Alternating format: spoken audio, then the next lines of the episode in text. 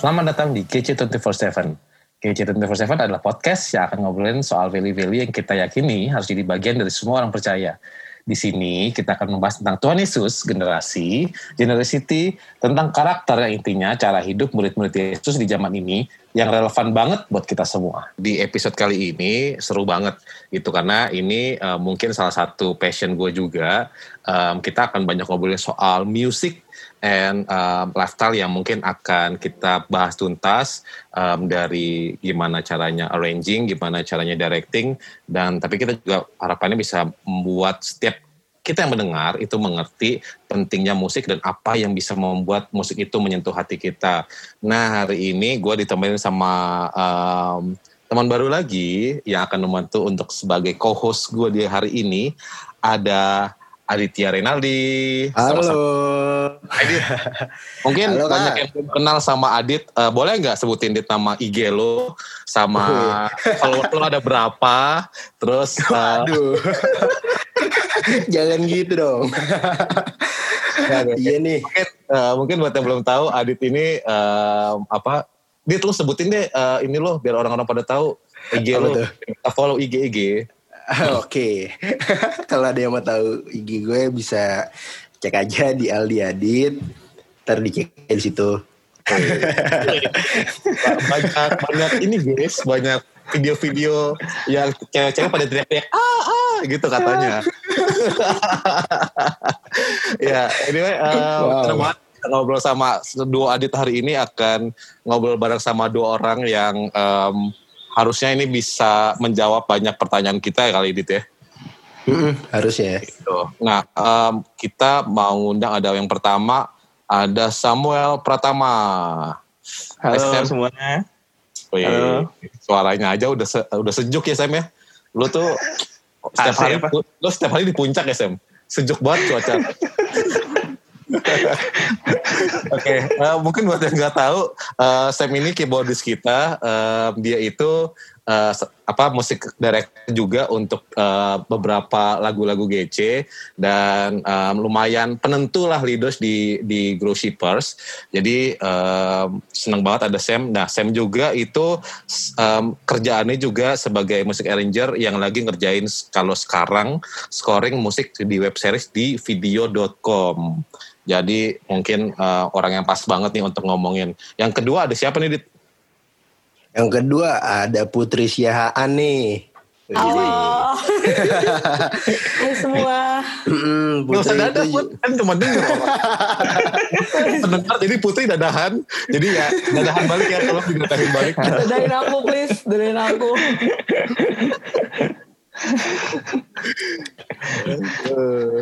Eh, Putri ini eh, kerjaan sehari-harinya pengajar langsung di Erwin Gutawa Music School. Jadi eh, musik director juga. Eh, gue rasa dua orang ini lumayan jago sih ya untuk untuk bisa menjelaskan ke kita nih soal musik and lifestyle. Dan eh, mungkin pertanyaan pertama kali ya, dia langsung dit. Pertanyaan pertama dari gue nih, eh, Sam mungkin lebih ke Sam nih, eh, yang mungkin lebih penting apa lebih lebih bisa menjawab Sam. em, seberapa penting sih menurut lo em, apa ya eh, praise and worship di dalam bag- di dalam bagian di sebuah ibadah? Pray, praise and worship dalam sebuah, dalam sebuah ibadah ya. Iya. Menurut gue itu eh, nggak kalah penting dengan khotbah. Jadi semua rangkaian pray, praise, worship, semua khotbah itu sama-sama elemen yang sangat penting semua. Hmm. Jadi kayak kalau kalau gue sih ibarat kayak gini ya. eh kayak misalkan kita sama orang yang kita cintai gitu misalkan ya. Jadi eh, sama pacar kita atau sama siapa-siapa. Jadi kalau misalkan doa, gue suka ibaratin itu kayak misalnya kita lagi ngobrol gitu, lagi nanya, halo, a- bagaimana kabar kamu? Kamu udah makan atau belum? Gitu ya. Oh. Nah, kalau praise itu gue ibarat kayak ibarat nih ibarat kalau misalkan kayak pacar, misalkan, aduh kamu cantik banget hari ini gitu, aduh kamu ba- baju kamu bagus banget gitu. Cuman bedanya kalau itu kita ke Tuhan gitu ya. Misalkan, Hmm. misalkan kita bersyukur, aduh Tuhan thank you banget gitu dengan lagu-lagu yang pujian penyembahan. Kalau udah penyembahan tuh mah, udah pasti maksudnya Tuhan kan emang paling layak disembah dan dengan lagu kita, dengan apa pun yang kita lakukan eh, untuk Tuhan. Kalau khotbah kita mendengarkan suara Tuhan. Jadi sama pentingnya semua menurut gue. Oh, oh. itu tuh um, apa hal yang pas banget ya asik banget kayaknya tuh langsung kayak wih Sam kayaknya sering pacaran ya itu tuh udah Bucin, jangan-jangan anak ya kan Betul. Nanti gue lempar-lempar gitu ya, enak banget ya. Jadi host podcast. mungkin kalau kalau lo put kalau uh, kalau lo sebagai mungkin um, apa penikmat atau misalkan um, bagian dari uh, orang yang mengerti musik, apa sih yang lo lihat um, saat saat lagi sesi ibadah gitu dari kita ngomongin seberapa pentingnya praise and worship session gitu buat lo.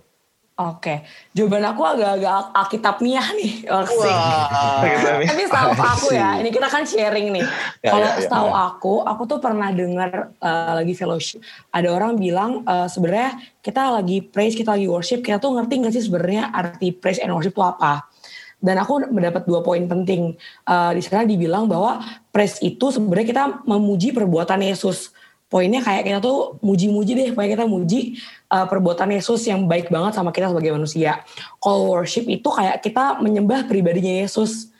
Jadi kenapa itu relate sih di eh, di lagu. Jadi menurut aku praise and worship tuh bukan sekedar temponya pelan, temponya cepat, lagunya mellow, lagunya gembira, lagunya bikin nangis. Tapi eh, di dua poin itu lagu praise itu udah pasti udah pasti isinya muji-muji Tuhan gitu.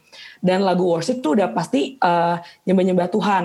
Eh, that's why kenapa praise and worship itu selalu disebut beriringan. Karena kalau kita karena pujian itu bagian dari penyembahan menurut aku dan eh, menurut aku praise and worship yang efektif dan yang benar sebagai kita jemaat dan sebagai musik adalah praise and worship yang bukan kita nangis pas lagi lagu mellow tapi justru kita harus bisa nangis sebenarnya di lagu ngebeat. Karena kita eh, bersyukur banget atas semua kebaikan dan perbuatan Tuhan yang Tuhan bikin ke kita gitu loh. Bukan kayak pas lagu worship doang nih kita nangis-nangis. Justru menurut aku Hmm, itu yang suka salah tangkap sih orang jemaat mikirnya lagu praise pasti yang yang ngebeat berisik segala macam lagu worship pasti yang sedih-sedih gak melulu soal itu tapi balik lagi sih ke pribadinya karena kan vertikal ya antara diri kita sama Tuhan gitu sih kan menurut aku Hmm. Wow. Mantap, mantap. Iya. kok kok diem kok diem aku takut diri kok diem Jawabannya lebih meyakinkan dari Sam. Hmm. Wow.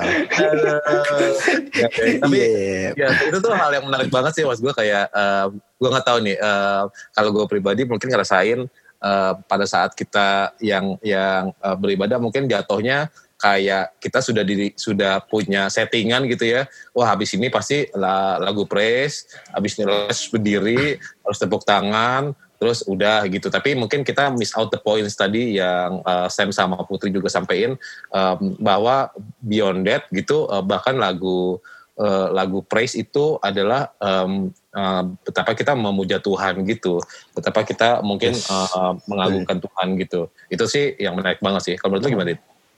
Kalau menurut gue bener banget sih apa yang diomongin sama Putri sama Kosem tuh kayak emang kadang-kadang orang masih suka salah persepsi, salah tangkap kan. Kadang-kadang yang eh, yang senang-senang aja atau nangisnya di mana padahal itu satu kesatuan bagian dari ibadah gitu kan. Nah dari situ sebenarnya tapi ada yang mau gue tanyain lagi nih kak. Hmm. Di, menurut pandangan mereka sih ini menurut pandangan Kosem dan pandangan Putri di dalam sisi apa? Dalam sisi MD dalam sisi music director. Itu gimana sih eh, ngebuat aransemen dalam lagu-lagu praise and worship yang sesuai dengan kebutuhan jemaat eh, sendiri gitu? Gimana dari Kosem dulu kali ya? Oke oke oke. Oh ya sebelum menjawab itu eh, ada yang tiba-tiba ini eh, yang eh, kadang-kadang kita suka salah kaprah bahwa kalau misalkan lagu praise itu harus lagu cepat dan Yes. lagu worship Oh, itu iya. harus lagu lambat. Jadi sebenarnya eh, mungkin bahasnya lagu cepat dan lagu lambat aja ya. Karena lagu cepat dan lagu lambat pun itu isinya juga tentang pujian penyembahan juga sih intinya yes gitu. Terus, oh ya tadi apa? Pertanyaannya tentang bagaimana aransemen, dengan Aransemen. sesuai kebutuhan jemaat ya. iya Oke.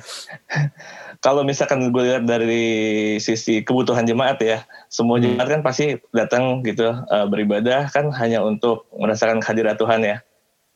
Hmm. Oke.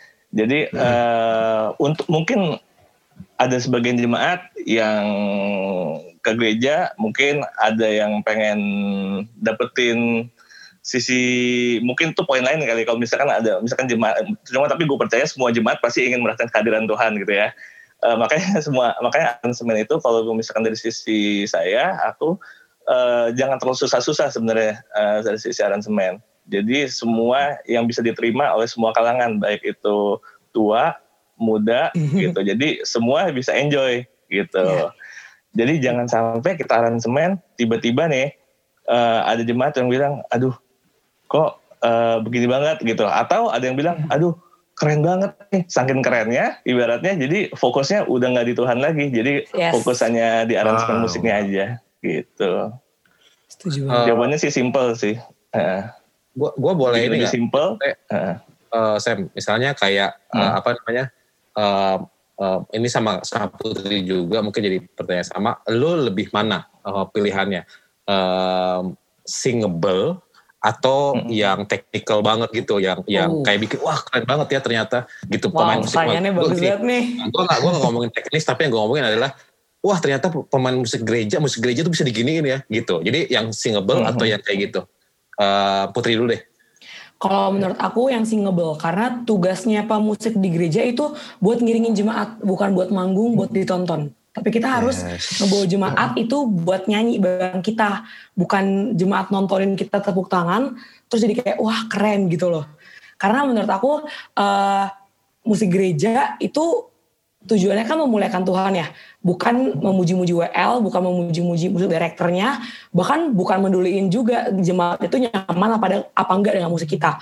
Kalau kita sebagai pemusik udah uh, melayani dengan hati yang bersih, dengan hati yang tulus, dengan yang kayak gue mau ngiringin jemaat buat muji Tuhan bareng-bareng, bukan gue mau ngiringin buat kelihatan gue jago. Itu pasti jemaat semua nyaman sih, auto nyaman. Gak mungkin ada perasaan jemaat yang kayak ih keberisikan, aduh WL-nya berisik teriak-teriak. Kayaknya nggak akan muncul kayak gitu deh. Kalau dari kitanya sebagai pelayan tuh udah uh, serve yang terbaik buat Tuhan, otomatis jemaat juga bakal senang dengan musik kita. Kalau Kosem gimana Kosem? Aduh, iya. tuh. Nah, bisa jadi sama intinya sih. Jadi uh, kita juga, uh, jadi balik ke yang tadi uh, gue bilang juga, maksudnya jangan sampai nih, ya apa yang kita buat itu tuh hanya untuk mengganggukan diri kita pribadi di panggung. Yes. Gitu karena tahu sendiri kan Lucifer kan dengan dengan sombongannya dia bisa memainkan semua alat musik dengan semua aransemen-aransemen indah yang paling hebat yang pernah dia buat uh, intinya apa? Intinya intinya dia jatuh dalam kesombongan gitu. Yes. jadi kebutuhan jemaat yang pertama kan pasti merasakan hadirat Tuhan gitu fokusnya. Jadi sama kayak Putri gue lebih pilih able sih. Ya jemaat nyanyi jemaat dengan dengan kesimpulan yang kita buat gitu lah. Bo, uh, boleh, maksudnya mungkin kalau untuk dari segi bagus atau dari segi teknik musik, yang penting sih bagi gue tuh harmonisasi. Yang penting nggak fals, yes. yang penting semua instrumen main di dalam satu jalur yang benar gitu ya. Enggak tiba-tiba gitarnya main ke mana, drumnya main yeah. ke mana gitu. Karena itu penting juga. Yeah. Bagaimana jemaat bisa mengerasakan hadirat Tuhan kalau misalkan kita mainnya berantakan kan. Jadi yes. harmonisasi dan singable yang baik, yang yang bagus lah ibaratnya. Yes, mungkin aku mau nambahin kosem dikit. Kayak iya sih harmonisasi itu penting banget. Kayak uh, harusnya bisa dalam satu band gitu. Ada gitar, ada keyboard, ada bass, ada drum. Itu tuh mereka berempat harus menonjol secara bersamaan gitu. Gak boleh ada satu yang kayak paling, wah gila gitarnya keren banget gitu. Harus uh, mereka semua tuh harus kompak sederajat, uh, sama tingkatnya. Or, jemaat tuh ngerasain tingkatnya sama. Itu berarti mereka kompak dalam muji Tuhan gitu. Karena nggak ada satu yang pengen jadi spotlight. Yes. Oh, nggak boleh dit berarti gitaris secara khusus kalau Putri. gue nggak tahu aja deh. Gak putus deh. Katanya Putri, gitaris itu nggak boleh kontrol. Iya sih ya. Uh, uh, dia langsung gitaris lagi. Iya, dia langsung gitaris. Aku tembak gitu, kayak gak boleh. Tapi kalau kalau lo lagi main sama putri, lo gak boleh nonjol. Iya. gitu. Uh, eh, tapi gue gak tau nih mas gue uh, lo kan juga ini dit apa uh, main musik juga gue juga main musik juga um, mm. di part uh, lo sebagai mungkin sebagai musisi gitu um, apa um, tapi kan pasti ada ego kan gitu pasti ada ego. Iya dong kalau lo sendiri? Ah itu dia. Hmm. udah pasti lagi gitaris lagi kan. Ah. wah. Yang harus gede banget kan egonya kan nggak deh. Kan maksudnya kalau kalau kalau kalau lu uh, saat kita ngomongin uh, technical uh, apa yang akan lo lakuin biasanya untuk kayak um, ya tahu lah pasti harmonisasi diutamakan gitu ya betapa baiknya semuanya tapi kan pasti hmm. ada ego gitu kayak oh, ini beda bedanya gitaris A dan gitaris B adalah gue main lebih kayak gini kalau lo biasa gimana? Uh, dari segi teknikalnya gitu ya atau hmm. hmm, kalau dari sisi gue sih kak paling kalau emang ini ngomonginnya untuk musik gereja ya kalau musik gereja ya yang penting uh, tujuan kita tetap menyembah Tuhan sih nggak nggak harus kita harus terlihat lebih gimana lebih gimana karena pada dasarnya semua orang tuh punya ciri khas untuk main masing-masing sendiri dengan karakternya dia hmm. sendiri gitu loh kayak nggak mungkin pasti gitaris satu dengan gitaris yang satunya tuh mainnya sama plok hati plok gitu menurut gue sih nggak nggak nggak mungkin kayak gitu sih kak hmm. kayak ya pasti mereka punya ciri khas masing-masing mereka punya gaya mainnya masing-masing gitu sih kalau dari hmm. sisi gue sebagai gitaris oh. nah kalau sebagai MD gimana Sam sama Put? Uh, mas gue nah. uh, gimana lo bisa ngelihat um, ego masing-masing, karakter masing-masing, um, gimana lo bisa bikin harmonisasi? Hmm. Kalau dari si siapa nih berarti? Sam dulu deh Sam. Lo, lo kan pasti mesti ngelihat banyak apa karakteristik orang mainnya kayak gimana. Terus um, hmm. lo tuh tipe yang kayak gimana kalau sebagai saat ngeliat kayak gitu? Uh, Emang sih salah satu lawan lawan atau musuh uh, musisi dalam band itu adalah emang uh, keegoisan, ego sama uh, idealisme. Idealisme orang macam-macam beda-beda ya. Jadi ada yeah. orang yang begini, ada orang begitu, ada orang begini. Tapi uh, pada saat, tapi emang kita harus kasih tahu di awal sih. Nah, sebenarnya sebagai seorang musik uh, director, ini adalah sebagai penengah, sebagai yang memberikan batas kepada mereka-mereka. Jadi kita memiliki e, ibaratnya otoritas tersendiri untuk mereka. Jadi misalkan udah tahu e, A mainnya mungkin banyak ngisi gitu ya. Terus B drummernya mungkin terlalu banyak roll-roll di sini-sini. Nah itu sebagai hmm. MD kita harus kasih batasan ke mereka, ke mereka uh, pas saat uh, di pas latihan gitu. Ya nanti part kamu mainnya lebih ke rhythm ya gitu. Nanti pas saat ini nih kamu boleh solo gitu. Nah drummer kamu jangan langsung ngebeat nih misalkan di awal. Nah kamu jangan dulu ya misalkan bahasa teknisnya seperti itu gitu. Jadi tadi di dalam band tuh ada porsi-porsinya jadi semua harmonisasinya bagus. Yes. Putri ya Putri. Uh, kalau menurut aku ya sih uh, sebagai musik director itu tuh ibaratnya kayak mak bapaknya si tim musik itu. Jadi kayak hmm. dia yang harus bikin bagan dulu.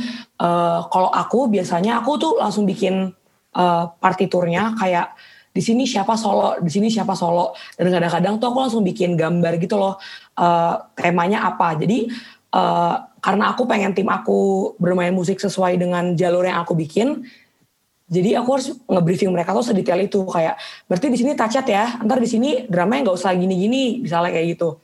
Dan uh, tim musik itu harus terima dengan hal itu. Ibaratnya kayak kalau musik director berarti oke okay, semua info musik satu pintu di gue ya. Ibaratnya ada gitaris mau ngasih saran, uh, drummer mau ngasih saran. Ya udah lo kasih saran ke gue, gue ACC, kita diskusi, baru kita jalanin. Gak bisa yang, yang langsung kayak gitaris ah jelek gini gini gini. Menurut menurut gue sih itu kurang etis ya karena bener-bener di satu tim tuh harus MD yang megang gitu. Tapi nggak menutup kemungkinan juga MD egois tutup kuping harus mau MD enggak. Tapi mungkin caranya cara komunikasinya lebih ke MD yang ngomong segala macam biar timnya juga uh, jalannya enak biar mainnya juga enak karena kan kalau main musik, kalau moodnya udah selek kan gondok kayak bawaannya ya. Kayak ada cepetan kayak nih lagu, ending kayak, ending kayak gitu kan gak enak ya. Jadi harus harmonis gitu kita hubungannya gitu loh. Pengalaman tuh kayaknya Put ya. Ah, nah, no nah, comment. nah tapi eh, kan tadi dari sisi teknis nih ya. Nah sekarang uh, gue pengen nanya sini kalau saya mau Put kan kalian MD nih ya sebagai MD tuh gimana sih caranya ngebuat musik yang relate gitu sama perasaan kita saat kita dengerin gitu loh? Maksudnya dari sisi aransemennya lah dan lain-lainnya. Gimana tuh? Kosem boleh duluan? Oke. Biasa sih dalam sebuah ibadah uh, sekarang kita uh, lebih menentukan misalkan minggu ini temanya tentang apa. Uh, biasanya itu dari WL Jadi WL tuh uh, kita udah tiktokan dulu nih sama MD gitu ya. Misalkan minggu ini kita mau bawa dengan tentang tema apa? Misalkan tentang kasih bapak gitu misalkan ya. Hmm. Jadi semua lagu-lagu yang dipilih itu semua relate tentang kasih bapak gitu. Yang pertama itu.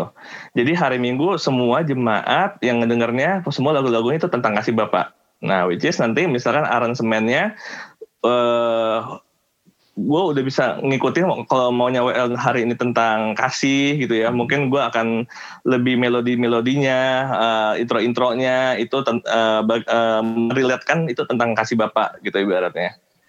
Gitu. Misalkan minggu kedua tentang keagungan lagu-lagunya tentang keagungan Tuhan gitu. Jadi uh, kita present uh, tim PW ini udah satu warna, udah udah sudah menentukan dari awal gitu temanya gitu. Jadi enggak enggak mencelak-mencelok gitu. Lagu ini tentang yes. pertama ini, lagu kedua ini gitu. SM uh, itu uh, itu hal itu yang kalau misalkan kita ngomongin gereja iya ibadah ibadah hmm. ya.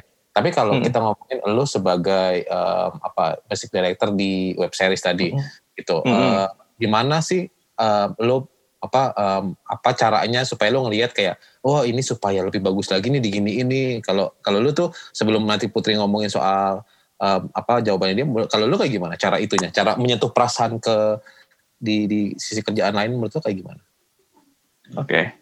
sebenarnya pada awalnya ya semua seni itu misalkan seni tari, seni musik, seni gambar, seni rupa apa pun uh, itu berhubungan dengan jiwa seseorang gitu. Hmm.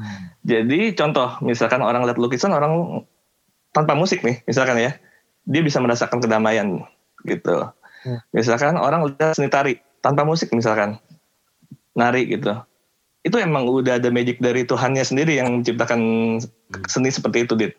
Ya, bagi tapi dari sisi kita sebagai artisnya, bagaimana kita lebih menularkan lebih mem, apa namanya ya uh, mentransfer itunya jadi dari segi misalkan gue mau buat orang jadi lebih sedih gitu misalkan ya di scene tertentu nih gitu ya nah dari kalau gue dari segi artisnya gue akan memilih instrumen-instrumen yang seperti contoh ya uh, alat gesek seperti cello atau kan biola sensation terus gue main pianonya pun juga harus gue konsepin nggak bisa yang jembrang jembrang jembrang jembrang jembrang kayak orang bikin happy gitu. Jadi kita harus bikin moodnya. Kalau mood sedih apa ya kira-kira ya instrumen apa yang cocok gitu misalkan. Uh, obo pun, klarinet pun sebenarnya itu bisa masuk gitu dengan harmonisasi minor gitu. Jadi kalau orang dengar lagu minor, yang pertama kali orang dengar pasti kan sedih gitu ya, kayak hmm. dark gitu. Nah dari segi teknis musik pun itu juga ada seperti itu, dit. Itu. Gimana? Kalau lo nih, Enggak, okay. uh, sebentar. Tahan Sam, tahan Sam. Gue mau putih dulu. lu nantangin ya Sam ya?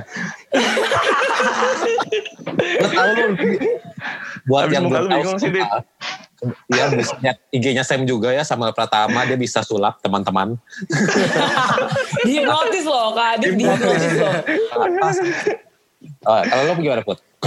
Kalau aku, hmm, untuk pertanyaan pertama, pada intinya aku sama dengan Sam. Mungkin aku lebih menarik di pertanyaan kedua gimana caranya kita uh, make sure nih jemaat nih atau audiens yang dengar musik kita tuh fix ngerasain apa yang tujuan kita. Misalnya uh, gue bikin musik sedih gue harus mastiin uh, orang itu sedih. Sebenarnya itu nggak bisa kita tentuin gitu loh kak karena balik lagi seni itu semua dari hati.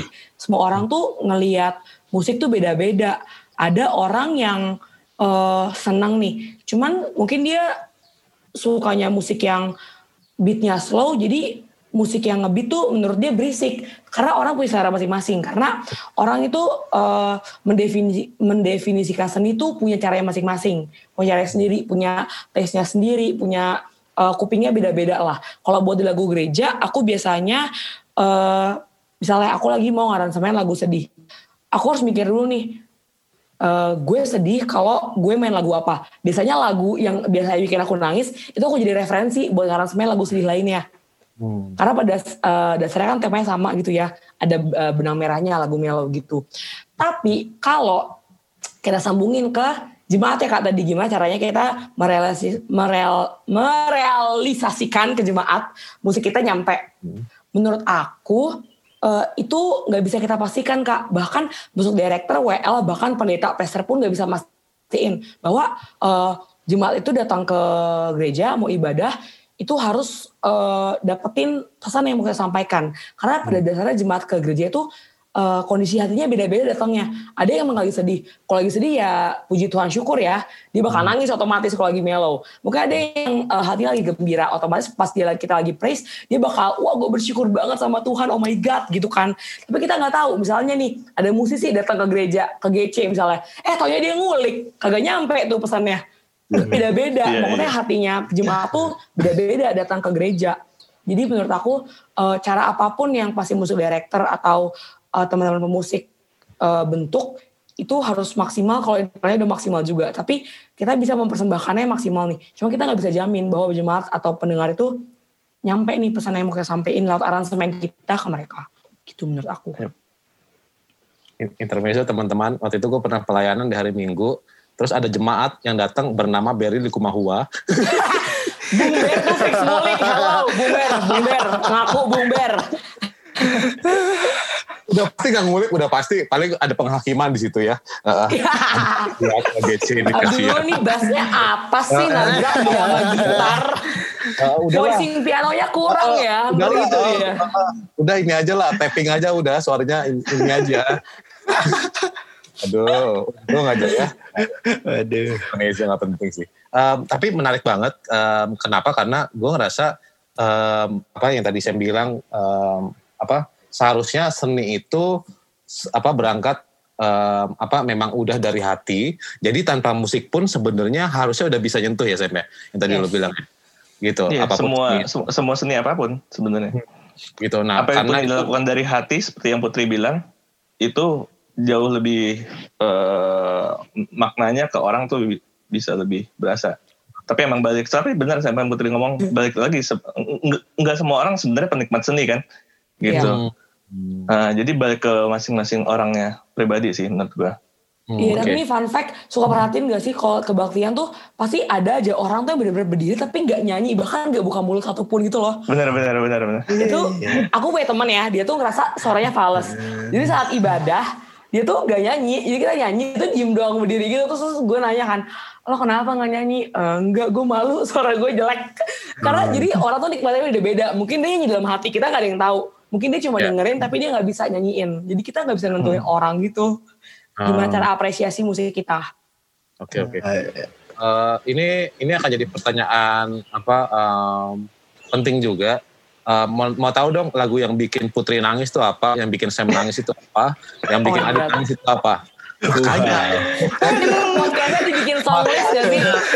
Bikin playlist di podcast.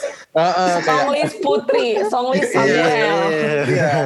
apa sih yang lagu yang buat kalian nangis boleh nggak? Coba dulu nih. Hmm. Yang tua dulu lah. Woi woi woi. woi. Mantap. Saya saya ayo yang tua dulu Sam. Hah? Gua dulu. Ah, kalau lu ada nggak Sam? Kalau misalkan lu usah sosok rohani ya. Jadi ini apa pun ya, apa pun ya Sam. Oke oke oke.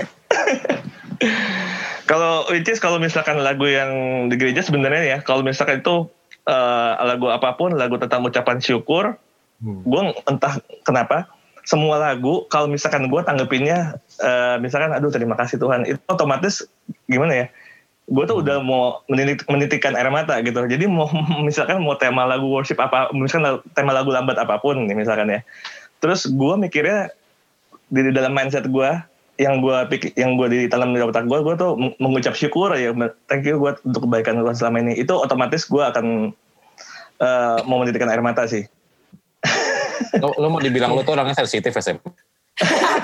Mau dibilang mellow ya? Mau dibilang beneran mellow ya kak? Oh, oh, oh. Kayak gitu ya?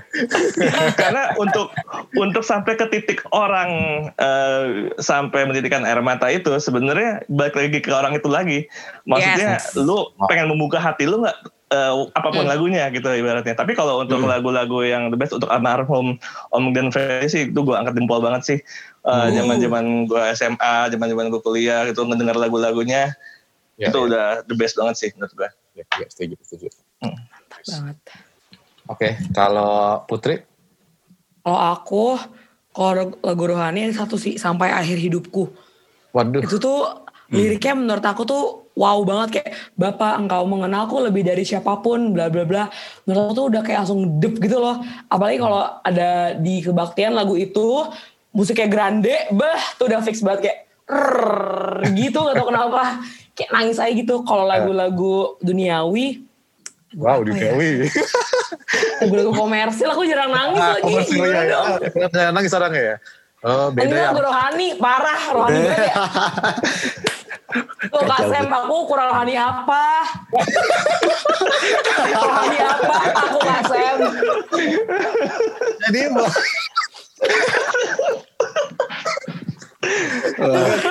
oh mau diempalin cuma jangan deh ya. Jadi kayak support untuk Putri uh, segera di, di, dimasukkan ke tim Grow Shippers ya tolong saya diatur. Ngerti lah si hatinya tadi pilih ya. Dari tadi dia udah ngomong udah rohani banget loh. Tadi dia iya udah kan? rohani banget. Dari awal tuh udah kayak wah kan? apa kita perlu itu kak? Tebak-tebakan tidak cerdas cermat lagu rohani ini? Buat penonton terakhir tuh kasih aku atau kesempatan lagi? Aduh. Udah udah bercanda Tadi sampai nangis lah, Dit. Iya, sedih banget. sedih banget. Kalau lo apa, Dit? Kalau gua lagu rohani paling ini sih, Kak. Waktu Tuhan. Gua merasa, oh, iya, Tuhan, ya. merasa apa ya? Merasa emang emang waktu Tuhan pasti yang paling baik lah di antara apa pun itu gitu. Mau penantian jodoh, Dit ya. Waktu Tuhan penantian oh, jodoh. Aduh. nangis sama waktu Tuhan. Bukan gitu. ya. Karena kita ada tema jodoh, jadi teman-teman.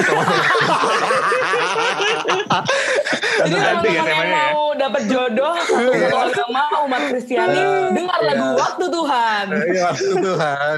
Biar bisa relate. Jadi nanti kalau mention at, Adi, eh, at Aldi Adit ya bisa langsung ah ini waktunya kita kenalan deh kayaknya gitu. uh, kalau lagu yang uh, uh, sekuler atau dunia ada nggak dit? Belum yang kepikiran bikin, sih, belum belum kepikiran, belum belum belum pernah nangis juga. Wow. wow. Promo, promo. Wow, sendiri. Oke. Okay. Uh, uh. Uh, gue gak mau jawab ya, jadi enak kan? oh, Jangan dong, Kadi apa dong? Kadi apa dong? Warganet, enggak deh, kalian juga. Uh, kalau gue kan tau Inggris ya orangnya, jadi uh, salah satu salah satu lagu yang yang kena di gue tuh highs and lows-nya Hillsong. Oh. Gitu. Oh. Itu kayak Oh, apa, Hillsong Hillsong vibes gitu ya. Ya, yang Inggris kayak, Ya, ya amin kayak which is kayak gue banget gitu. Literally gue fix banget auto nangis, crying crying kalau denger lagu Hillsong. Terus saya, saya kalau anak zaman sekarang ngomongnya gitu saya auto crying, fix banget. Oh, auto crying. Uh, lo, nanti kan anak lu kan udah gede nih, bentar lagi udah punya pacar. Padahal masih kecil banget ya ini. Ya, kasih jauh cuy. Oh iya, iya oke oke oke. Ya kalau gue itu, tapi memang um, kan uh, walaupun gue kelihatannya cool dari luar tapi gue tuh suka banget wow. wow. Kenapa ini ada apa ya? Ada apa kak deh? lanjut kak, lanjut kak. Cool dari luar, cool dari dalam. gue tuh gampang tersentuh sama musik sebenarnya gitu. Jadi kayak hmm. uh, apa? Uh, menurut gue uh, harmonisasi yang musik yang bagus banget tuh um, pasti menyentuh orang the, the, di, di level yang sangat deepnya dia gitu dan itu tuh gue rasain banget waktu uh, mungkin uh, kalau yang uh, rohaninya adalah waktu memang pertama kali kayak um, pernah gak sih di, di sisi hidup kalian tuh um, suatu hari lagi ibadah lagi keadaan lagi down terus tiba-tiba WL-nya nyanyi lagu yang kayak ya elah nih Tuhan ada aja ceritanya gitu. Itu tuh buat gue itu tuh salah satu yang personal dan um, musik tuh bisa kayak gitu powernya Nah, um, gue mungkin um, untuk ke situ gue kan ada pertanyaan ini. Um, kalau kalau misalkan nih um, apa um, kalian bisa kan apa setiap kali ini punya punya um, skill dan punya talenta di di arranging music sama um, directing gitu. Um, um, menurut kalian apa sih peran musik itu dalam kalau kita ngomong ke Kristen itu harusnya seperti apa gitu? Apakah itu sebagai hal yang support um, ke Kristenan atau um, apa uh, roh kita, uh, spiritual kita atau apa? Kalau dari sisi kalian nih, uh, Putri sama saya. Mungkin Putri dulu. Oke. Okay. Kalau menurut aku musik uh, di kekristenan berarti di musik gereja. Iya. Uh, fungsi musik tuh banyak banget ya kak sebenarnya luas banget. Tapi menurut aku aku tertarik dengan dua poin penting musik di gereja. Yang utama yang pasti memuliakan Allah. Musik itu yang kita tujuan tuh memuliakan Allah. Yang kedua itu memberikan pendidikan nyanyian kepada jemaat secara nggak langsung. Hmm. Jadi uh, fungsi gereja itu kan banyak ya kak salah satunya ada persekutuan, nyebar kabar baik, tempat pelayanan, dan tempat pendidikan. Dan pendidikannya bercabang lagi nih, di gereja pendidikan musik. Uh, kayaknya menurut aku jemaat gak ada yang mau datang deh. Kalau jemaat, kalau kebaktian tuh isinya cuma doa, dengar khotbah, membaca Alkitab. Hmm. Jadi menurut aku peran ibarat kayak manusia alat nafasnya paru-paru, gereja tuh alat, alat nafasnya musik sih. Oh. Mau kotaku bukan musiknya musik ya, mau kotaku musik kan kita nyebar ayat Alkitab juga kan banyak lagu-lagu dari Alkitab, bukan musiknya ya, tapi uh, cara kita ngajak jemaat buat bermusik secara gak langsung dengan nyanyian, ngedukasi jemaat dengan musik secara nyanyian. Oh, Itu sih kak menurut aku. Menurut kak Kosem gimana Kosem? Musik yang berkaitan dengan roh seseorang ya Dit Iya. Untuk ya, membangun roh ya tadi ya. Menurut lo peran peran musik di di uh. gereja gitu sebenarnya apa sih kalau uh. yang lo lihat? Sebagai kalau kalau gue ya sebagai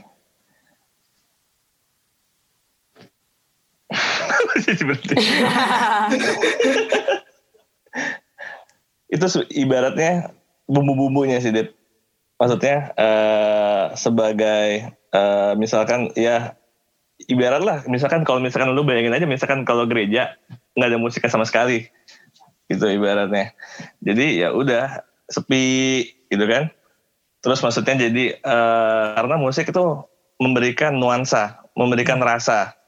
Uh, misalkan you mau misalkan hari ini kita tentang tema tentang kebaikan Tuhan misalnya tentang keagungan Tuhan lah majestic gitu berarti ya. Kalau kita bikin musik, aransemen musik, suasana majestic, nah itu kan ketransfer tuh. Maksudnya jadi jemaat tuh bisa merasakan dari sisi pribadi kita sebagai pemusik juga merasakan agungan Tuhan dengan musik yang kita mainkan. Ya. Itu. Sebagai ya sebagai tadi sih menurut gue sih sebagai, sebagai jembatan gak sih kak jembatan ah, antara ya, firman jembatan. Tuhan ke jemaat. Ya. Sebenarnya gue agak sebenarnya gue agak bingung tentang dengan pertanyaannya sih. Jadi, gue kasih contoh gitu kan, gue contoh gitu. Uh, apa? Uh, ada gue tuh merasa salah hmm. satu hmm. salah satu um, apa ya cara untuk orang mengerti mengerti kebaikan Tuhan itu adalah dengan um, lagu yang tepat gitu ya either itu hmm. tepat um, either itu apa either itu jadi menyentuh menyentuh hati kita Nah, gue hmm. ngerasa setiap datang ke gereja, musik itu perannya kadang-kadang kayak gitu. Um, gue tuh nggak punya ideas, ternyata Tuhan itu ada, adalah Allah yang setia misalkan, gitu. Hmm. Um, di sisi itu, di sisi musik itulah yang menunjukkan itu, yang ngasih tahu, oh bisa ya kayak gitu ya. Um, kadang-kadang itu tuh bisa membuat gue mempermudah hidup gue untuk mengerti gitu secara personality Tuhan tuh kayak apa, kayak gitu-gitu sih Sam. Iya, gitu. sebenarnya berarti itu, lebih, uh, lebih relasi ke pemilihan yeah. lagunya sih sebenarnya. Hmm. Ya, sama iya. tema-temanya juga. Makanya tiap minggu kita ada tema-tema berbeda-beda eh, berbeda-beda. Jadi semua jemaat pada saat datang ke gereja, misalkan nih bulan pertama nih tentang kasih, terus misalkan bulan kedua tentang kesetiaan Tuhan. Jadi semua uh, karakteristik Tuhan ter, uh, kita kita tanamin ke dalam pemilihan lagu itu. Jadi semua jemaat tuh bisa merasakan karakteristik Tuhan dalam dalam lagu dan musik. Yes. Wow. Hmm. Kalau aku jadi tiba-tiba kayak nyangkut sih ke kepala aku kayak ibaratnya kalau orang tua itu adalah uh, wakil Tuhan di dunia buat anak-anak. Kalau musik tuh kayak caranya Tuhan buat nyebarin berita kabar baik soal dia ke semua orang. Hmm. Jadi musik tuh kayak kayak sinyalnya kali ya, kayak alatnya deh kayak alat yang Tuhan bikin sedemikian rupa, yang Tuhan titipin ke diri orang-orang sebagai talenta buat nyebarin firman Tuhan juga sebenarnya ujung-ujungnya. Hmm. Ya, jadi mungkin bisa dibilang itu kayak form of communication gitu ya. Jadi ya. cara untuk komunikasi ya. Hmm. Um, kalau kalau kayak gitu, misalkan gini, um, kalau lo Sam, lo maksudnya sering kan, maksudnya koordinasi untuk um, sama WL lagi dapetin apa dan lo coba translate itu ke musik gitu. Um, secara teknis nih, um, lo ada perbedaan nggak? Misalkan um, misalnya um, lagi ngomongin temanya kasih bapak contoh ya, kasih bapak kalau hmm. musiknya um, apa uh, slow kan lebih gampang ya pastinya untuk mengkomunikasikan itu ya, gitu. Bener gak sih gue? Ya, contohnya uh, seperti itu sih. Nah kalau untuk musik cepat gimana caranya lo mengkomunikasikan itu? Atau sebaliknya misalkan kayak temanya kemenangan itu lebih mudah hmm. untuk mengkomunikasikan lewat lagu cepat, tapi agak hmm. susah untuk mengkomunikasikan lewat lagu yang uh, apa temponya lebih pelan gitu. Nah kalau lo secara secara teknis apa yang biasa lo lakuin sebenarnya untuk ngomongin okay. flow ya, untuk ngomongin flow keseluruhannya? Uh, jadi nggak sebenarnya nggak hanya di lagu uh, cepat atau lagu lambat pun, jadi sebenarnya di dua-duanya tergantung kita flow-nya bagaimana dan termasuk in, uh, instrumentasinya juga. Jadi ya. contoh benar kata Dudit, kalau di lagu kemenangan kan ibarat kita bayangin kemenangan itu udah strong gitu ya dengan lagu-lagu yang cepat, dengan lagu-lagu yang upbeat, otomatis orang akan jauh lebih gampang merasakan uh, the meaning of kemenangan gitu kan. Nah kalau lagu lambat gimana? Uh, kadang-kadang orang kan selalu selalu ngawur lagu lambat, aduh pasti gue yang nangis-nangis nih. Uh, gimana cara nanemin hope, uh, harapan, kemenangan gitu dengan lagu yang lambat gitu kan. Nah, dari sisi flowing, dinamika, drum itu juga pengaruh, Dit. Gitu. Jadi contoh nih, instrumentasinya kita akan bawa dia dari bawah, se nanti bas, uh, contohnya kalau di lagu itu ada bagian interlude-nya, ada bagian free worship segala macam itu kan. Terus drumnya uh, kita suruh dia flowing, makin lama makin naik, Dit. Terus juga dari segi instrumentasi sebenarnya ada beberapa karakteristik uh, kayak alat-alat uh, musik yang cocok gitu. Misalkan contoh ya kayak French horn kalau di orkestrasi itu kan tetet. Ya. Nah, itu bisa membangkitkan uh, sense seseorang tuh uh, misalkan itu cocok banget dengan, dengan tentang kemenangan. Jadi makin lama uh, musiknya makin lama kita bisa walaupun dengan tempo yang lambat ya. Orkestrasinya instrumentasinya kita bisa banyakin di uh, taruhlah kita mau itu di bagian interlude di bagian refrain ujung-ujung sebelum habis gitu loh. Jadi uh, itu bisa juga di, di lagu slow pun juga bisa. Uh, Oke. Okay. Kalau menurut lo gimana Put? Kalau menurut aku iya bener kata Kosen soal gimana caranya tema bahagia dimainin di lagu slow sebaliknya gitu kan. Pemilihan-pemilihan sound instrumental di keyboard atau di filler atau di instrumen lain tuh penting banget. Oh, yang kedua menurut aku biasanya aku uh, tambahin di voicing voicing chord sih kak. Jadi kayak hmm. mm, biar musiknya itu terdengar beris biar musik biar lagu mellow itu terdengar lebih berisik kita bikin progres yang berbeda di setiap verse-nya misalnya. Jadi secara langsung tuh naikin dinamika dan hukum itu loh hukum chord yang naikin adrenalin orang bisa aja bisa lagu slow chordnya kayak ih apa nih orang tuh kayak wah apa nih chordnya gitu loh menurut aku voice itu juga penting sih. Aku nambahin dari Kasem ya. Tadi kan si Kasem hmm. bilang soal dinamika drum yang tadinya dari piano tiba-tiba forte segala macam terturun lagi, naik turun naik naik turun naik turunin mood orang. Kayak mungkin aku tambahin voicing sih kak, voicing voicing chord gitu. Gimana caranya si musik director atau pemusik itu uh, bikin voicing mereka setim tuh biar cara langsung musik melo itu jadi grande. Aku susah bilangnya, cuman kalau kita ngaransemen itu terkerasa gitu bedanya. Grande itu maksudnya megah gitu ya? Grande maksudnya iya, pada semegah? Iya, yeah. lebih megah. Ya.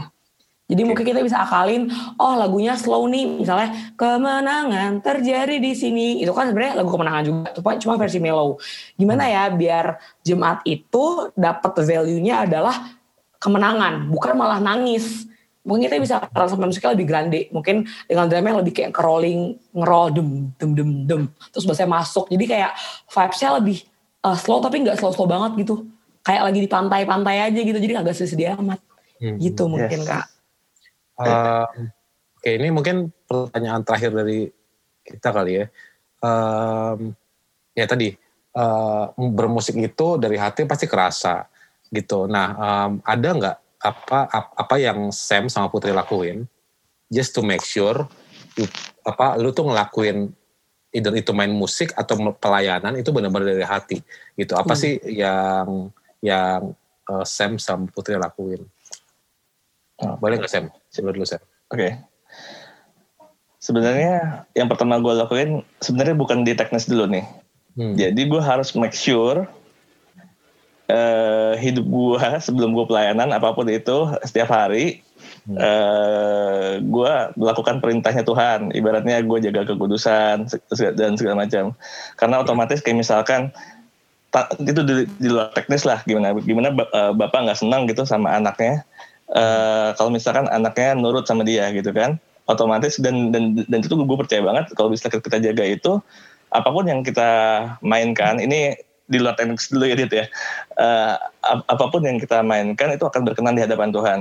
Dan Tuhan akan hadir dan Tuhan akan melaut umatnya. Dan itu yang pertama gitu. Yang kedua uh, ya yang pastinya bagaimana uh, supaya kita uh, mempersiapkan semua ini supaya bagus uh, yang yang kedua ya pasti teknisnya kita harus ngulik lagu-lagu yang dikasih WL gitu kan.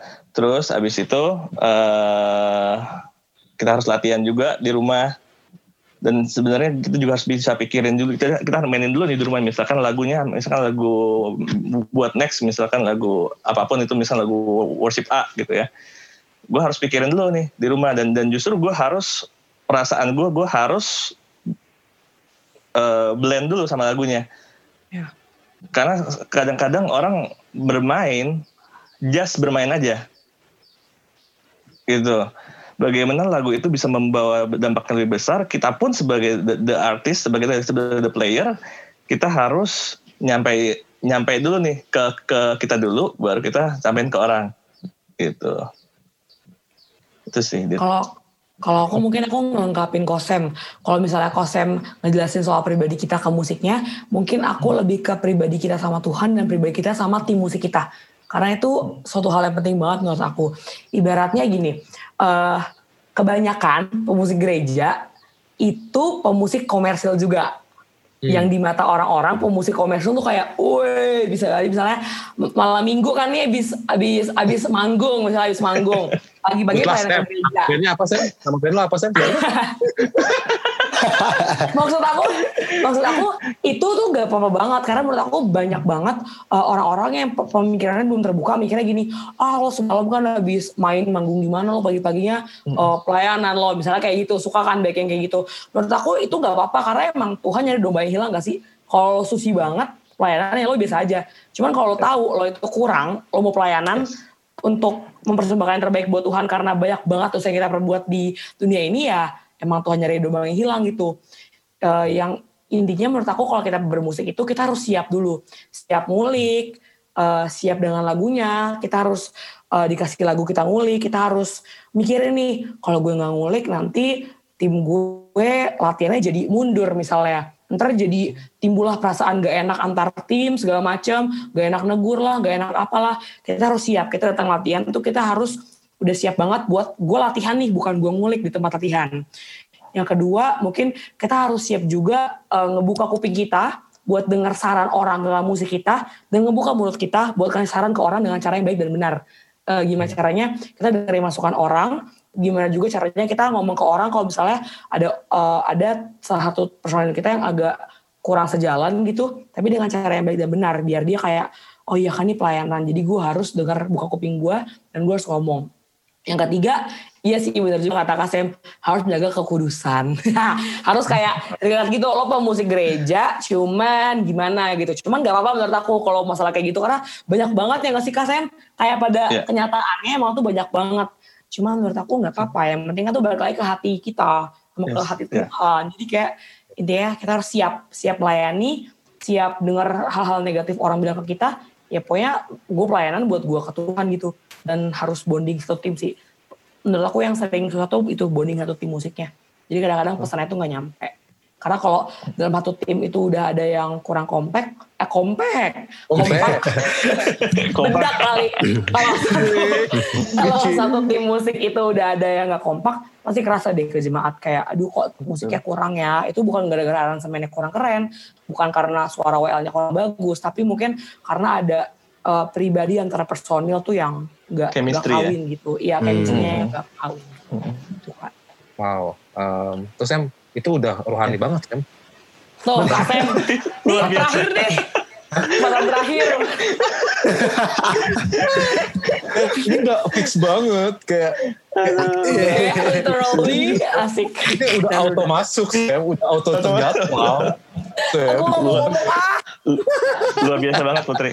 Iya uh, anyway gue rasa salah satu yang kita bisa uh, gue gue sih merasa diberkatin banget sama uh, obrolan kita hari ini adalah karena memang apa ya uh, music have power untuk touch our heart gitu ya uh, menyentuh ke jiwa kita uh, sampai kalau kita ngomongin soal ibadah kita bisa sampai mengerti apa isi hatinya Tuhan mungkin karena ada persiapan-persiapan yang orang-orang yang lain itu lakukan gitu. Dan dan itu hal yang mungkin menarik banget. Kenapa? Karena mungkin kita pikir kayak oh yang penting aransemennya bagus. Ternyata nggak ada nggak cuma itu doang persiapan yang dilakukan gitu. Jadi um, entah itu personalnya juga uh, masing-masing dilakukan tapi secara tim chemistry yang dibangun juga dilakukan gitu ya Sam ya sama Putri ya gitu. Itu sih lumayan bagus banget sih kalau hal yang gue dapat kalau lu gimana dit? Ada ada oh. nyempal itu apa?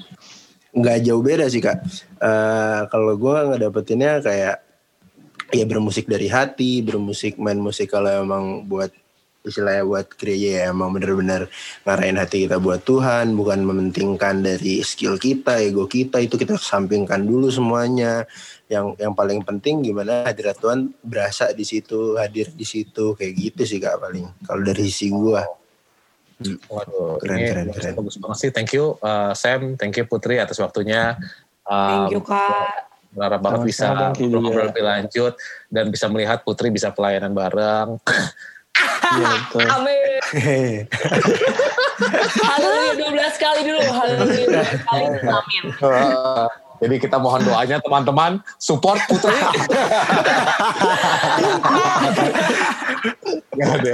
uh, tapi gue seneng banget maksudnya dari hal ini kita bisa banyak belajar. Uh, thank you Sam, thank you Putri atas waktunya.